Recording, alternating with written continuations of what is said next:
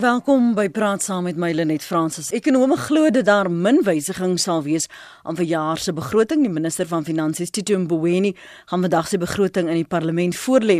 Die regering het vir hierdie jaar die BTW koers verhoog, maar kenners meen dat dit nie weer aangepas sal word nie omdat dit 'n verkiesingsjaar is. So met al die storms wat om die kop van die minister van Finansies woed en hoe hy versigtig moet te werk gaan om seker te maak daar kom bedaring in ons ekonomie, wat en waarop moet hy fokus met hierdie begroting? Praat gerus vanoggend met Dawie Rood, hy's hoofekonoom by die Efficient Groep en Christie Viljoen is ekonoom by PwC. Môre Dawie, baie welkom ook aan jou Christie. Uh, baie dankie net goeiemôre. Christie, welkom. Môre net. Môre môre.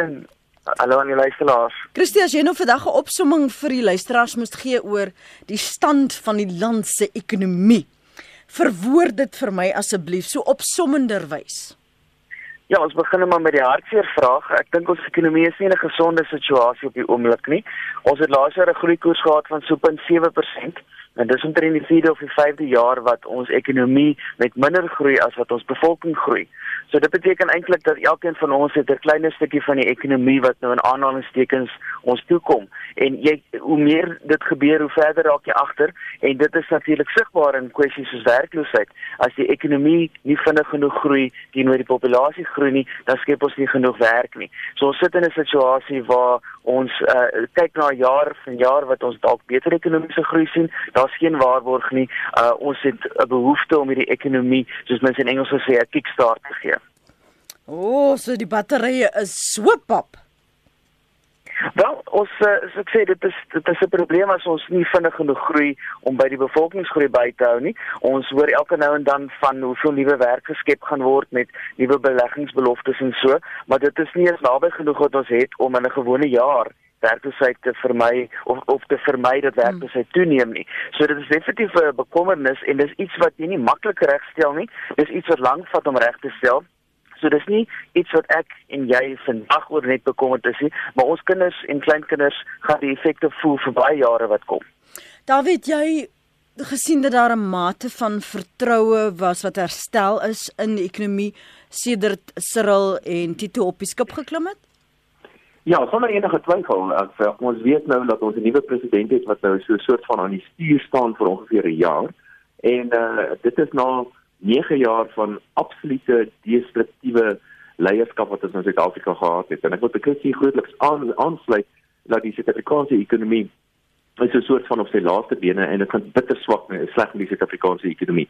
Maar die ontslaagraak van Jacob Zuma as president was sekerlik uh, 'n stap in die regte rigting en ek dink ook die aanstel van Tito Mboweni was 'n stap in die regte rigting geweest, maar die omvang van die skade wat aangerig is eh die korrupsie, die wanadministrasie en die die mooi Engelse woord die incompetence mm. uh, van die regerende van die regerende party en die drie party alliansie is is is is is so gefestig in 'n uh, deel van van ons hele politieke bestel alreeds dat dit vir ons baie baie jare te klaar is waarskynlik gaan vat om hierdie skade reg te stel. En dan boop dit alles het is nog 'n klomp ander probleme. Uh, ons hoor wat sê die minister van finansies vanmiddag, die staatsfinansies is absoluut beroerd ons staan op die op op 'n sogenaamde skuld uh, afgrond of voor die skuld afgrond. Die verhouding met arbeid georganiseerde arbeid is op 'n absolute laagtepunt. Ons sien dat vandag is daar weer optogte en en uh, wat daarmee alles gaan uh, gepaard gaan. So ja sekerlik die aanstel van 'n nuwe president en 'n nuwe minister van finansies is sekerlik 'n stap in die regte rigting maar die, die omvang van die skade is ek is onbeskryflik. Ek dink Eskom is miskien die versinne beelding uh, van die skade wat aangerig is die afgelope tyd. Ek wil gou op daai punt laat ons net vir 'n oomblik daar stil staan want ek ek wil graag hoor wat julle albei daaroor te sê het oor die voorstel. Ons gaan terugkeer na die ander punte wat julle gemaak het, maar die voorstel van ontbondeling, jou jou gevoel daaroor Dawie? Ja, ek dink dit is 'n dis dis 'n regte stap ook om om om uh, Eskom in drie dele op te deel en ek hoor beter word alles in drie dele opgedeel. Ehm um, maar dan moet jy mens ook daarmee bysê, die oomblik as jy Eskom in drie dele opdeel, dan kry jy nou drie 'n leierskap. jy kry drie rade, jy kry drie voorsitters. So jy eintlik is jy besig om jou om jou koste om hierdie een maatskappy uh besig eintlik om jou koste te ver, verhoog. Die uh, ontbondeling van Eskom kan slegs sin maak as dit 'n eerste stap is in iets verders. Goed. En hierdie eerste stap in iets verders beteken uiteindelik die privatisering van Eskom of beselfs die toename, uh, toemaak van sekere dele van Eskom en dis meer. So ja, ek stem daarmee saam, want dit moet gevolg word met die volgende stappe in die privatisering en toemaak en dis meer. Christie, jou gevoel daaroor? Uh, ek is persoonlik ten gunste van die onbondeling. Uh, enige tipe van herstrukturering moet natuurlik gefokus wees daarop om die entiteit of entiteite finansiëel meer stabiel te maak. Mm. So as ek nou kyk uit 'n ekonomiese oogpunt, ons as 'n land het stabiele verskaffing van elektrisiteit nodig. So ons kyk na die regering om 'n plan te kry vir Eskom sodat ons kan seker wees die ligte gaan aanbly. Dat ons nie onverwags op 'n Sondag hoor hier skielik nie weer kragonderbrekings en hou dit weer vir 'n week aan nie. So vir my die enige enige herstrukturering wat ons sien is is slegs uh, haalbaar en uh, suksesvol indien dit lei daartoe dat ons 'n uh, staatsentiteit het wat meer ek wil sê van 70 weer meer finansiëel stabiel is, meer betroubaar is en 'n laer las is natuurlik op die staatskas en dan in effek op Suid-Afrikaners. Mm. Ons moet seker maak dat die verskaffing van elektrisiteit nie al hoe swaarder en swaar ons het reeds gesien, al hoe swaarder en swaarder las op die belastingbetaler is. Dit moet teruggerol word. Ons het beter goed om met staatsgeld te doen, uh wat ons beter kan aanwend tot die voordeel van Suid-Afrikaners as wat dit gaan na 'n staatsentiteit wat finansiëel op die rand is van 'n ineenstorting. Dis nie my woorde nie, dit kom mm. self van Eskom af mm -hmm. en dit so vir my Dis 'n goeie plan. Dit hang natuurlik af hoe dit struktureer, hoe dit finansier. Dis 'n belangrike aspek wat ons vandag graag in die begroting wil hoor. Hierdie uh, moontlike drie eenhede waarvan Dani nou Dawie praat, is dit dink jy Christie die voorland vir baie van hierdie staatsentiteite? Want SAL word nou ook genoem inderdaad ons het hierdie week gehoor van SAL dat dit daar ook op die kaart is op 'n bietjie van 'n ander manier maar ook 'n verdeling in drie entiteite. Ehm um, ek wil graag dit so sien dat dis iets wat ons al 'n tydjie lank al kyk in terme van hoe kan ons hierdie staatsinstellings as Suid-Afrika, hoe kan ons dit verbeter? En binne 'n week se tyd, binne 2 weke se tyd, het ons nou gehoor van twee groot kopsere wat op daai manier aangespreek gaan word. So Ek het 'n vermoede dat daar is ergens 'n besluit geneem dat hierdie is 'n moontlikheid wat definitief haalbaar is. Aan die verste punt soos Dawie nou gesê het, is daar die privatisering wat natuurlik politiek ongewild is. Mm. So op as 'n eerste stap om weg te beweeg van die afgelope hele paar jare van geld na die probleem gooi, nuwe bestuur daar sit herhaaldelik met planne voor in dag kom wat nie werk nie. Ek dink hierdie is dalk 'n strategie wat ons nou in meer plekke kan sien wat hierdie staat beheer word om plan te maak om hierdie entiteite meer finansiëel stabiel te kry en sodoende beter diens aan die ekonomie te kan lewer. Kom ons neem so 'n paar luisteraars op 'n slag en dan gee ek ons gaste geleentheid om daarop te reageer. Onthou ek maak aantekeninge ook van die punte wat jy maak en wat hulle maak sodat ons net 'n meer algemene begrip van die landsekonomie vanmôre kan hê. Connie, kom jy is op lyn 4. Praat met ons môre. Môre net die gaste. Ja, nog twee jaar dink uh minister van finansies daar by jou. Dink hulle ja. kan ons help. Uh punt wat ek wil aanraak is reeds bespreek. Uh want ek kan nie sien hoe uh die regering 'n vinniger en meer ekonomiese groei kan verseker as daar nog reddingsboeie uitgegooi word vir hierdie sukkelende staatsbeheerde ondernemings nie. So soos reeds gesê, ek dink die privatisering is die enigste uitweg om dit te verseker. Ek weet dit is nie binne die mandaat van die minister nie, maar mense sou graag wil hoor uh wat gaan gedoen word om die biljoene wat in die staatskas gesteel is in die staatskas om dit sagter terug te kry. Maar dit is natuurlik maar vir die hoewe om te besluit. My vraag gaan verder oor verwag jou gaste daar gaan 'n belastingverhoging of verlaging wees. En dan wat daarbey aansluit is dit so dat verhogings in die geval die ekonomie benadeel en uh miskien hulle net ons sien hoe dit werk. Baie dankie, mooi dag. Baie dankie daarvoor Connie. En dan kyk ons na Pierre op lyn 1. Hallo, hallo. Hallo Pierre, praat met my. Hallo Lenet. Hallo, hallo Pierre. Goed, hoor jy so en al die al die luisteraars. My storie lê nog altyd in dit dat die beleid is nie reg nie. Die handelsbeleid is nie reg nie. Buitelanders kan nie in Suid-Afrika belê nie. Jy het nou reeds gehoor van vyf lande wat skop daarteen om in Suid-Afrika te wil belê. Hoekom? Die grond onteieningsstorie sonder vergoeding. Die die die buitelanders kan mag die grond in die land besit nie. Hulle moet dit eh, op 99 jaar huurpag kry. Dit is alles dinge wat die ekonomie in sy pietjie ingooi. Want ons het daai kapitaal van daai vyf lande het ons nodig om ons land op te bou en om uh groei te gee. En die ander sy van die saak wat Eskom aanbetref, wil ek net sê, Eskom moet megawatt park verkoop. Hy is nie 'n eiendomsmaatskappy nie. Hy is 'n uh uh kragopwekkersmaatskappy. Hy moet daai eiendomme van vir wat hy het, moet hy verkoop en sy skuld verminder. Dit sal help om die ekonomie aan te blaas ook. Maar Megawatt Park is net die speelplek vir al die direkteure en die goed en ek kan nie sien dat daai grootste grond daar lê en hy die belastingbetalers se geld het om gekoop en hulle vat die geld uit en hulle spandeer dit nie aan kragopwekking nie. Goed. Dankie Peer en Louis. Môre Lenet, môre aan jou gaste. Uh dit 'n paar dingetjies. Mm -hmm. Dit ons word gedryf deur politiek in hierdie land. Wie ewer aan bewind is, hulle stel die ouens aan wat hierdie goed moet bedryf soos Eskom, water, Transnet, you name it, almal van hulle dwars deur die bank. Maar hulle self, daai mense wat aangestel is, is so onkundig, hulle kan hulle self nie afwees hulle toilet toe gaan dit nie. Hmm. En en ons is nie soos jy nou nog gesê het, ons batterye is nie pap nie. Batterye is lankal gesteel. Dis weg. Daar is nie batterye meer nie. Hmm. Hoe gouer ons dit besef dat ons die ding privatiseer, al hierdie staatsentiteite privatiseer. Hoe gouer sal daar kundige mense aangestel word uit die privaat sektor uit. Nie die gabbas omdat hy 'n politieke job het, nie 'n politieke pel het nie. Ons land is al so ver weg.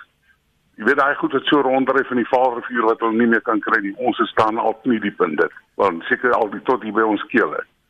Privatisering is al uitweg vir ons land. Dankie Lenet. Dankie Louis. Uh jy luisteraar George skryf privatisering hoop aarde sal enige entiteit wil inkoop in hierdie uiters bankrotse uh, instansies. Dalk wil jy daarop reageer Christie? Ek dink uh, dis baie duidelik van die mense wat inbel daar's groot behoeftes wat ons vandag het wat die finansiesminister moet planne maak. Uh ek dink wat die een luisteraar sê was baie belangrik wat sy mandaat is. Ons kyk dikwels na die begrotingstoespraak as die oplossing vir al ons probleme. Ek wil nie sê na die president sy toespraak 'n paar weke terug gemaak het, is dit nou meneer Mboweni se verantwoordelikheid om vir ons oplossings te gee nie. Maar hy het dit nie so vir soveel magte en vermoëns. Hy kan nie makro-ekonomiese beleid op sy eie vorm byvoorbeeld nie. Uh in terme van Eskom, SAL, uh daardie kwessies, hy is verantwoordelik vir die finansiële aspekte daarvan. Uh, hy het natuurlik agter die skerms insa wanneer daar kom by besprekings oor privatisering en so aan. Uh maar vir hom is dit vandag die belangrikste om 'n finansiële plan voor te lê. Hy moet kyk na Eskom as 'n finansiëel stabiele entiteit. So so graag sou ons meer wil weet oor die lang lang langtermynplanne van die opdeel van Eskom, hoe dit eiendomsbesit daar gaan wees. Vandag kan ons eintlik net staat maak op meneer Mboweni om vir ons hopelik te vertel wat sy onmiddellike finansiële planne is. Al die kommentaar is baie geldig.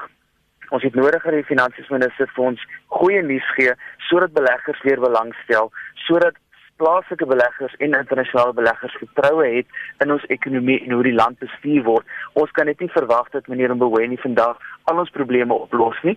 Uh dit is nie binne sy mandaat om dit te doen nie. Ons moet ook natuurlik onthou, dit is 'n verkiesingsjaar. Dit het 'n impak op hoe hierdie begroting gedoen word en die boodskap wat dit stuur en dit sit sekere dit dit lê sekere bande aan presies wat hy kan doen met die syfers waarmee hy moet rondspeel. So Dawie kon jy het gepraat en gevra oor uh, verhoging in belastings ja. en ja. en wie as dit wel gebeur hoe benadeel of bevoordeel dit dan nou Suid-Afrikaners voor jy daar kom um, wil ek gou vir jou vra om te praat oor hoe BTW en die verhoging van daai persentasie wel Suid-Afrikaanse verbruikers se sakke en ons ekonomie geraak het Ja, uh die ons het laas jaar gesien dat BTW met 1% verhoog is, dis 'n 50% wat ons nou betaal belasting op toegevoegde waarde. BTW is die tweede belangrikste belasting vir die minister van finansies na persoonlike inkomstebelasting en dit het inderdaad 'n impak gehad op veral die lae inkomste groepe. BTW is 'n tipiese wat ekonome noem 'n regressiewe belasting wat beteken dat die laer inkomste groepe word gewoonlik in relatiewe terme ietwat swaarder getref as die hoër inkomste groepe. Uh, as die ekonome vra of BTW verder verhoog moet word al dan nie, dan gaan die antwoord waarskynlik van die meeste ekonome wees hulle reken BTW behoort wel verhoog te word terwyl ander belastings eintlik verlaag behoort te word. Maar dit is nou maar so, uh, dat dat almal betaal as jy ernstig met geld te doen het in die land dan betaal jy ernstig belasting en niemand uh, word vrygestel van belasting. Ernstig is daar altyd 'n uh, belasting wat iemand op 'n of ander manier betaal. Nou om kon ek se vraag te antwoord of ons belastingverhogings gaan kry, dink ek is dit belangrik om net eers die volgende punt te maak en dit is dat daar's daar's iets wat ek noem noem 'n sogenaamde belastingveerkragtigheid. En dit beteken eh uh, dat ons kan sien uh, deur die syfers te ontleed of mense uh, aktief en ook aggressief besig is om belastings te ontduik. En dit is inderdaad die geval in Suid-Afrika. Die afgelope klompie jare het ons gesien dat ten spyte daarvan dat die belastingkoerse in sommige gevalle verhoog het, het die belastingontvangste nie so positief gereageer soos wat jy gedink het nie en in sommige gevalle het die belastingontvangste in werklikheid afgeneem. Hmm. Die rede daarvoor is veelerlei. Een het te doen mense is inderdaad besig om belasting eenvoudig te ontduik, maar behalwe dit kry mense baie keer wat gebeur dat dat 'n uh, hoër belastingkoerse nie lei tot meer belastingontvangste nie omdat die impak op die ekonomie is baie negatief. Nou, die totale belastinglas in Suid-Afrika is baie baie hoog en nie net die betaling is belastinglas baie hoog nie, dis relatief min mense wat die heel meeste belasting betaal en hulle kry min van die voordele. So ek dink vandag gaan daar sekerlik nie BTW verhoging wees nie, want dit is polities bitter moeilik om dit te doen. Ek dink ook nie daar gaan 'n maatskappybelasting verhoging wees nie, want maatskappybelastings moet relatief laag bly om Suid-Afrika aantreklike beleggingsbestemming te maak. En die enigste belasting wat ek dink op 'n manier verhogings kan sien, is persoonlike inkomstebelasting, maar dit gaan waarskynlik so 'n soort van op 'n skelm manier verhoog word. Wat ek bedoel daarmee ja, wat bedoel jy? Ja, wat ek bedoel daarmee is dat hy dit moontlik gaan verhoog deur nie voor behoorlik ehm um, voorsiening te maak vir die effek van inflasie nie. Kom ek noem vir jou 'n voorbeeld. Sien nou maar jou salaris verhoog uh, ten einde voorsiening te maak vir die effek van van inflasie, dan val jy baie keer in 'n hoër inkomste kategorie en dan betaal jy meer belasting. En en minister pas elke jaar hierdie inkomste kategorieë aan uh, met die effek vir inflasie sodat jy dan in relatiewe terme op dieselfde plek bly soort van. En ek dink deur nie hierdie aanpassing te maak vir inflasie nie, wat hy eintlik doen, hy gee 'n belastingverhoging deur sonder dat mense eintlik agterkom. So dis wat ek probeer bedoel hmm. en dan nie, en dan maar dan is daar ook 'n moontlikheid vir 'n miskien 'n hoër inkomste kategorie, 'n addisionele hoër inkomste kategorie, maar ek glo nie so nie. So die kort antwoord op Connie is verwag goeie soos byvoorbeeld die sonnebelasting wat opgaan, die brandstofheffing en daai kleiner belastingkies en miskien 'n paar uh, kapitaalbelastings soos oordragbelastings en boedelbelastings en so wat miskien kan styg, maar die groot belastings soos BTW en maatskappybelasting en persoonlike inkomstebelasting gaan grootliks waarskynlik onveranderd gelaat word. Die die nikkie van uh, suikerbelasting sien 'n mens nou dat daar energie ingeblaas nee. is glad nie?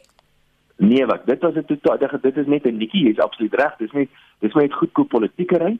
Uh, dit het nie gelyk tot 'n afname in die verbruik van suiker nie.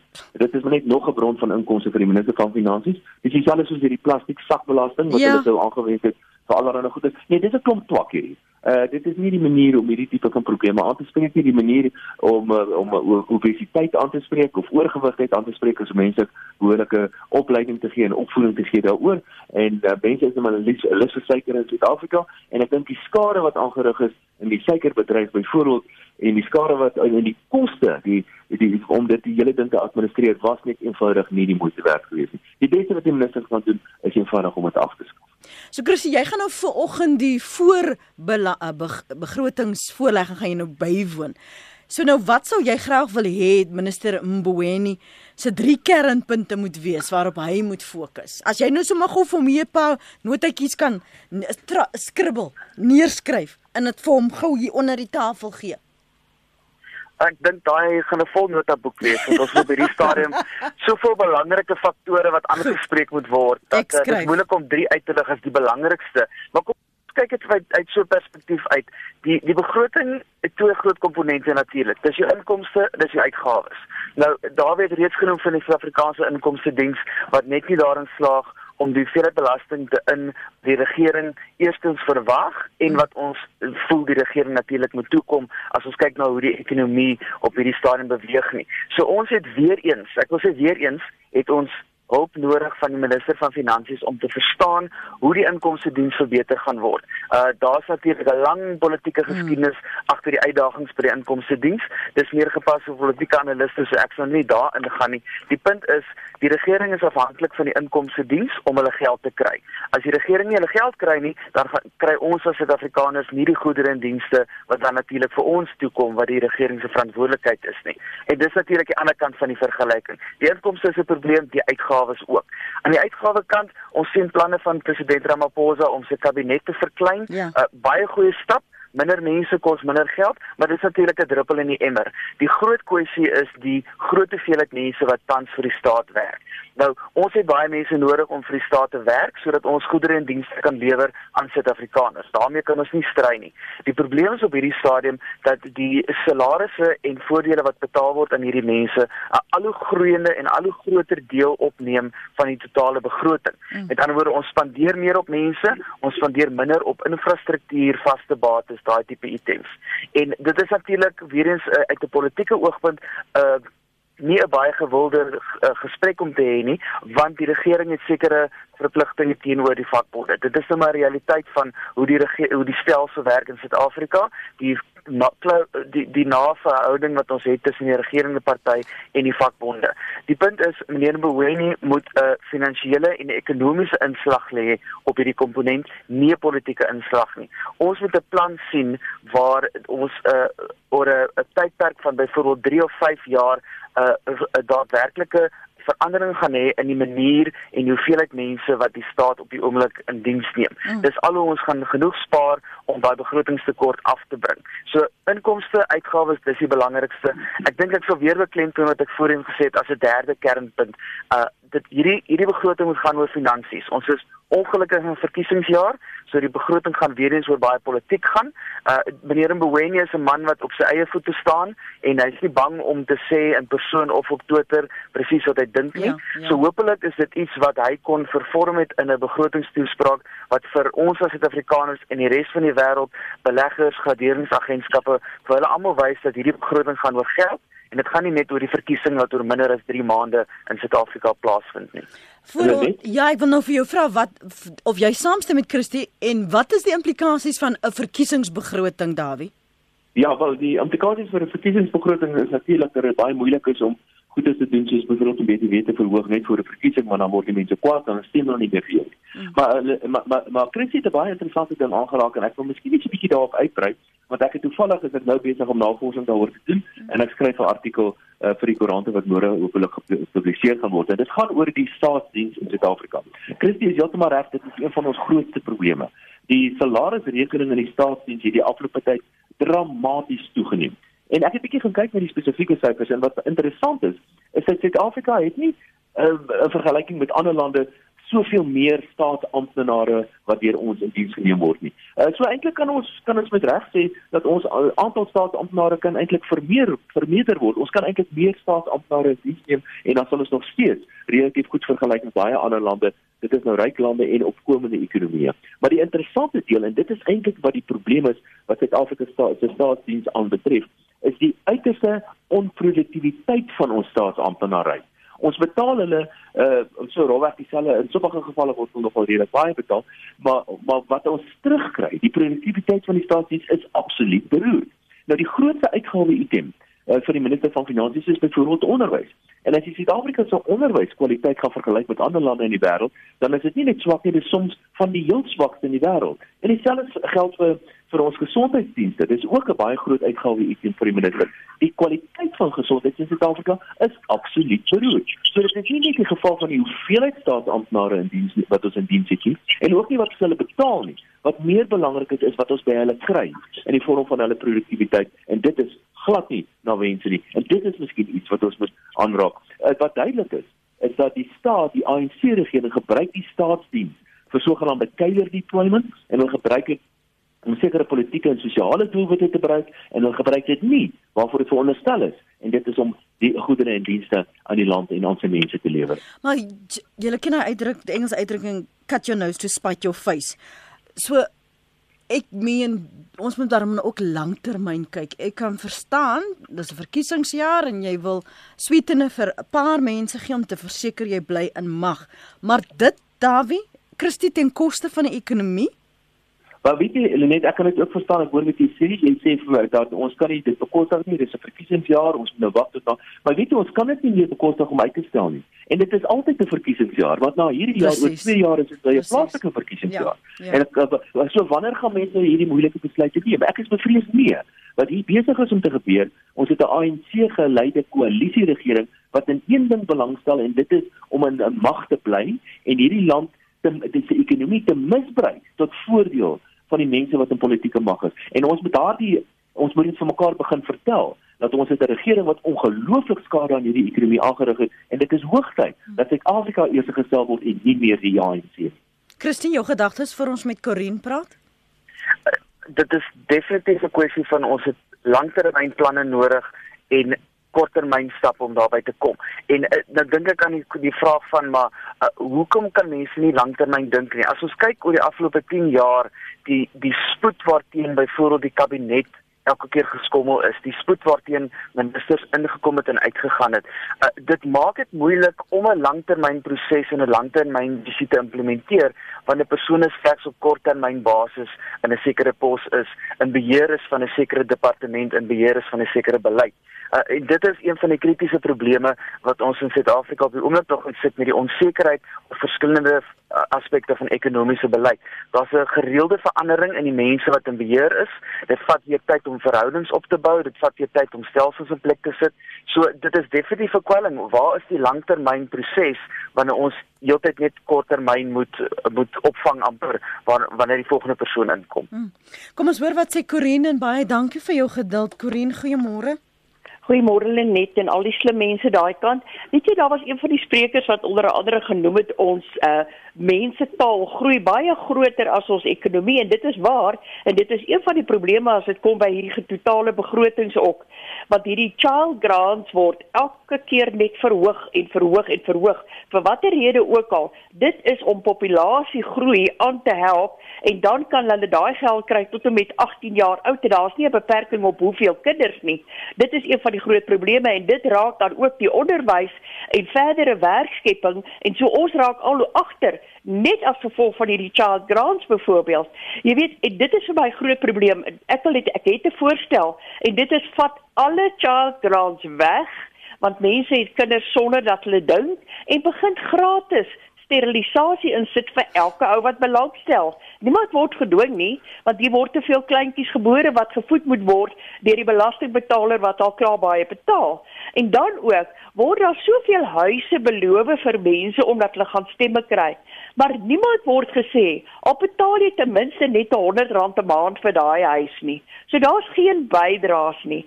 Jy weet, en dan ook die krag self. Kom ek vat in die townships, die krag self is daar een persoon wat krag aan daardie mense verkoop. Ek sien dit self en dan lê daardie kragdrade hoorie so spaghetti op die op die op die paaie daar vir enige een om geskok te raak. So iemand maak geld daar, maar nie die regering nie.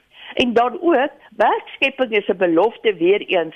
En dan hoe kan jy werkskep? Skep liewerste 'n werksomgewing vir almal. Daardeur sê ek, hou op met hierdie ewige gebee stories en dan ook vat weg dat dit net ehm um, wat is die die ander ek weet nou nie sodat selfs wit mense mag kan begin 'n besigheid oopmaak dat hulle die beste mens vir die regte werk insit en nie op die kleurkeuses moet gaan nie. Goed. Dit is verkeerd. Ons maak ons maak lui mense groot in hierdie land op die oomblik omdat hulle weet hulle gaan kry hulle moet kry in plaas van ons maak nie sterk mense groot wat hulle Dis Corinne se mening daardie sy sê vroue wel daar moet sterilis vrywillige sterilisering wees. Mhm. Miskien moet ons die manne kort kort knip.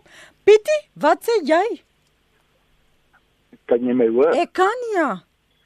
Man, ek wil eintlik net 'n opmerking maak.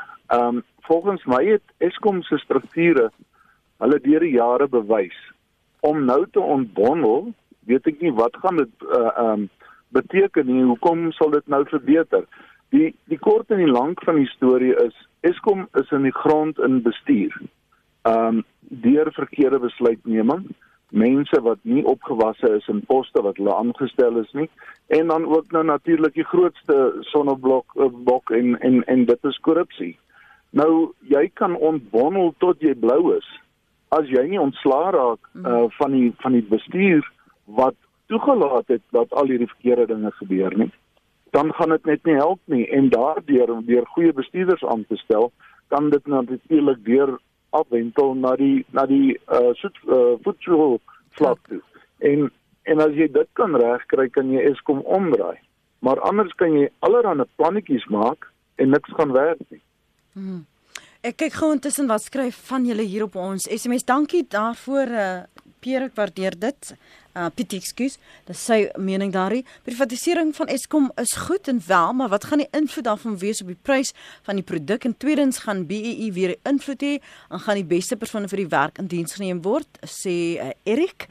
Wat is die regte grondoorsaak van Eskom en SAL se verval oor hoeveel jaar onbevoegdheid van bestuur onbevoegdheid gebrek aan insig by owerheid om verval in die begin te sien en te stop skryf Ria van George Ander en sê ek is 'n pensionaris van oor die 70 jaar. Ek wil asseblief aan die minister vandag op my knieë vra of alle pensionaarsse bo 70 jaar nie groot asseblief net so 3000 'n uh, water kiloliter water gratis kan kry en goedkoper krag nie. Asseblief asseblief sal dit baie baie waardeer skryf 'n uh, ouma.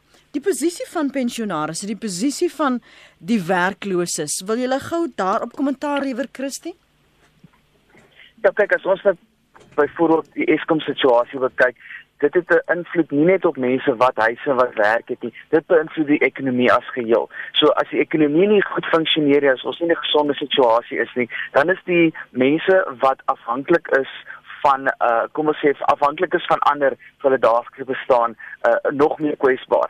Werklose mense, hawelose mense, mense wat afhanklik is van die sosiale uitbetalings van die regering, pensionaarsse. Hierdie is mense wat in baie gevalle nie vir homself 'n beter uitkoms kan skep nie. En dis afhanklikheid van die regering en natuurlik die ekonomie as geheel om hulle te help. So alhoewel die private sektor wil sê ons probeer werk skep, ons probeer die ekonomie laat groei. Een van die groot komponente is die Eskom, daar's 'n klomp ander faktore wat maak dat die private sektor op hierdie stadium nie beleggings maak nie weens klomp onsekerhede. Dit is 'n 'n 'n faktor wat die hele ekonomie se is uh, beweeg. Dit is 'n faktor wat almal affekteer en dis kom ons so afhanklik is dat ons 'n oplossing kry. Daar word nou gepraat van privatisering en opdeling en uh, reddingsboeye en skuld. Al al hierdie faktore, die die belangrikste punt is dat wanneer dit kom by Eskom, ons moet 'n manier vind om die ligte aan te hou want dit is wat ons ekonomie dryf. Dit is wat maak dat kinders in die aand by die huis kan studeer vir hulle skooleksamens, dat mense klein besighede kan begin, produkte verkoop en 'n lewe vir hulle self skep. Dit maak dat ons straatligte aangaan, dat ons meer veiliger in die nag kan wees. Dit is die kernkwessie van van Eskom hoe ook al ons dit oplos, ons moet 'n oplossing kry. Dis nie iets wat kan oorstaan na die mediumtermynbegroting in Oktober nie. Daar daar's altyd elke paar goed wat in die begroting kom wat so van aangeskop word na die volgende een toe. Hierdie hierdie moet nou gebeur. Hierdie is nie iets wat ons kan laat wag vir nog 6, 7 maande nie. Hmm. Nou julle sal ja, Dani, jy wil iets sê. Ja, hulle net ek wil net 'n opmerking maak oor hierdie uh, uh, kindertoelaag of die sogenaamde child support grant. En ek het al baie keer mense gehoor wat opmerkings maak soos wat Corino gesê het. En as daar 'n probleem te, eh, te doen het met bevolkingsgroei, dan is die antwoord daarvoor eintlik op 'n hele ander plek. Um, en daar daar's baie baie voorbeelde daarvan. Die beste manier hoe mense ekonomie aan die groei kan kry, die beste manier hoe jy kan bevolkingsaanwas kan laat verminder en so te loop. Bevolkingsgroei in Suid-Afrika het die afgelope tyd so baie ver, uh, verminder en gedaal. En daar's baie vrae of hierdie kinderoordragte of die child support grant inderdaad meisies uh, uh aanmoedig om meer kinders te kry. Uh dit is nie 'n uitgemaakte saak nie, maar hoe dit ook al sê, die werklike antwoord hiervoor is nie om mense meer of minder of geen child support grant te gee nie. Die antwoord hiervoor is om kwaliteit primêre onderwys te gee. En die tweede antwoord hierop is om die ekonomie aan die groei te kry. Maar daardie twee faktore dra by tot baie groot en baie positiewe uh, demografiese en sosiale veranderings in gemeenskappe. Byvoorbeeld, die sterkste voorbehoedmiddel in die wêreld is hoe lank meisies na behoorlike skole toe gaan byvoorbeeld. En dis eintlik wat ons behoort te doen. En dan moet ons nie te veel die drom slaan oor die child support grant nie. Wat ek wel inderdaad voorstel is wat 'n mens miskien 'n uh, een of ander uh, toets kan uh, vereis voordat iemand kwalifiseer vir hierdie verskillende grants. Byvoorbeeld jy moet byvoorbeeld aantoon dat jy kind gaan wel skool toe of dat jy kind die nodige inentings gekry en jy kind het die regte gewig en dies meer om seker te maak die geld word op die kind gespandeer. Maar om dit weg te neem, dink ek is 'n baie baie groot fout. Soos wat ouma wat ingeskakel het ook gesê het. Ons het baie ou mense in die land wat sekerlik ons hulp nodig het. Mm. Maar ons moet dit doen op 'n op 'n verantwoordelike wyse en dit is 'n verantwoordelike wyse nie net vir die belastingbetaler nie, maar ook vir die mense wat hierdie grants ontvang. Julle sal onthou met daardie eerste paar toesprake uh verlede jaar het die men, uh, president Cyril Ramaphosa gesê dat die staatswerkers kan bietjie makliker slaap. Daar's nou nie planne om onmiddellik van hulle ontslae te raak nie. Julle het albei verwys vanmôre na die feit dat die staat so 'n groot werkgewer vir meeste mense is en dat daardie salaris ja. en pensioene die heeltyd aan groei is en dat hy nie die swak verhouding met die vakbonde wil hê nie. Maar een of ander tyd moet hierdie besluit geneem word daar nie.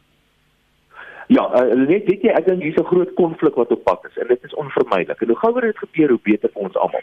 En hierdie konflik is tussen georganiseerde arbeid en veral die staat.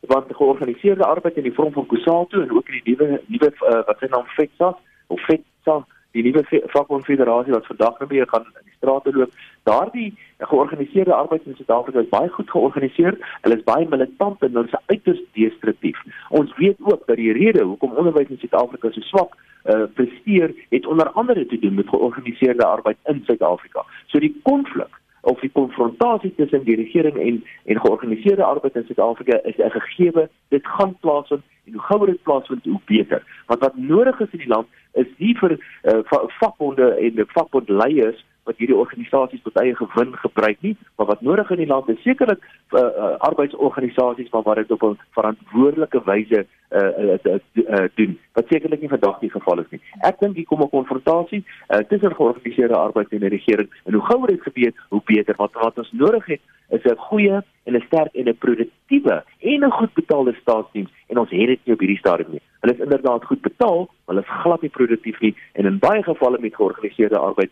kan ons sommer baie destruktief ook wees. Hmm. Christie, ses ministers van finansies in 3 jaar.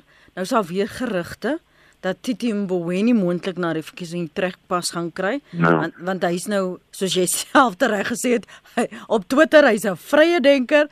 Hy sê wat hy wil sê en dan vat hy maar die slaas soos dit kom dat hy nie so regtig inpas soos baie sou wou hê binne die ANC strukture nie. Hoe belangrik is dit om veral nou 'n mate van stabiliteit, vertroue, geloof dat hier is pogings wat aangewend word om hierdie ekonomie aan te help. Hoekom is dit belangrik om hom eers daar te hou? Ek dink dit is ontsettend belangrik dat ons daai stabiliteit kry. Uh ek onthou met die met die aanstelling van meneer Mboweni het ek gaan kyk na finansiesministers reg oor die wêreld. As jy kyk na die syfers, finansiesministers is gemiddeld 4 jaar lank al in hulle termyn. Nou dit beteken dat daai mense al 4 jaar lank dieselfde werk doen. Nou ons moet 'n hele paar finansiesministers teruggaan in Suid-Afrika voordat ons een kan vind wat vir ten minste 4 jaar sy pos gehad het. Dis natuurlik die gemiddeld. Ons moet nie mik om 'n gemiddeld te wees nie, so mik om beter as gemiddeld te wees. So om heeltyd so verandering te hê, dis glad nie goed nie. Gister by die Sonderkommissie het ons gehoor in die getuienis die negatiewe impak mm. op die land se skuld en finansiële markte van Nenegate. Mm. En die die eenvoudigste manier om het, om het te verduidelik die negatiewe impak is toe dit gebeur het die rand het verswak en die rente wat die staat betaal op hulle skuld het opgegaan. Daai rente en daai skuld sit nog steeds by ons. Dis weer eens 'n kwessie wat vir 'n lang tyd met ons bly. Dit vat 'n lang tyd om so 'n ding op te los. So vir Suid-Afrika is die ideaal eintlik dat meneer Mboweni langer aanbly as die verkiesing. Ek sien nie dit is die regte besluit of dit is die besluit wat die minister moet maak nie, maar uit 'n oogpunt van hoe lank hou ons finansiesministers in Suid-Afrika, is dit belangrik dat ons weer begin om 'n 'n geskiedenis op te bou van stabiliteit in daai ministerie en natuurlik aan die hoof van die tesorie. Uh, dit is iets wat finansiële markte en graderingsagentskappe nouliks volg as ons weer eens 'n groot verandering het en uh iemand in die pos sit wat nie bekend is vir wel eerstens bekend is aan die publiek, maar tweedens bekend is vir hulle finansiële kennis en vermoëns nie, dan het ons die risiko dat ons weer 'n knou kry in terme van wat in finansiële markte aangaan. Vir my is dit baie belangrik dat indien meneer Mboweni wel vervang word na die verkiesing, ons verwag 'n nuwe kabinet, 'n hergestruktureerde kabinet van die president. Indien hy vervang word, moet dit deur iemand wees wat definitief ervaring het en kennis het wat hierdie werk uh, van wat hierdie werk behels om finansies minister te wees. Ons kan nie bekostig om weer foute te maak deur die verkeerde persoon daar te sit nie, want ons gaan op 'n stadium gaan daar gaan hande in die lug gegooi word wanneer kom by beleggers en sê Suid-Afrika, julle maak dieselfde foute oor en oor. Hierdie is 'n belangrike pos, die regte persoon moet daar wees. Hmm. So jy het net toe gesê langtermynplanne, korttermyn stappe. Een of twee stappe dan. Wel op die oomblik dit dit is herhalend ek dink in hierdie gesprek in die gesprekke om die braaivleisvuur in die media skom situasie. Uh dit raak ons almal dadelik as die krag afgaan. Jy moet skielik kyk hoe laat is die krag af by die huis en by die werk en kan ek mm. moet ek vroeg ry, moet ek laat ry.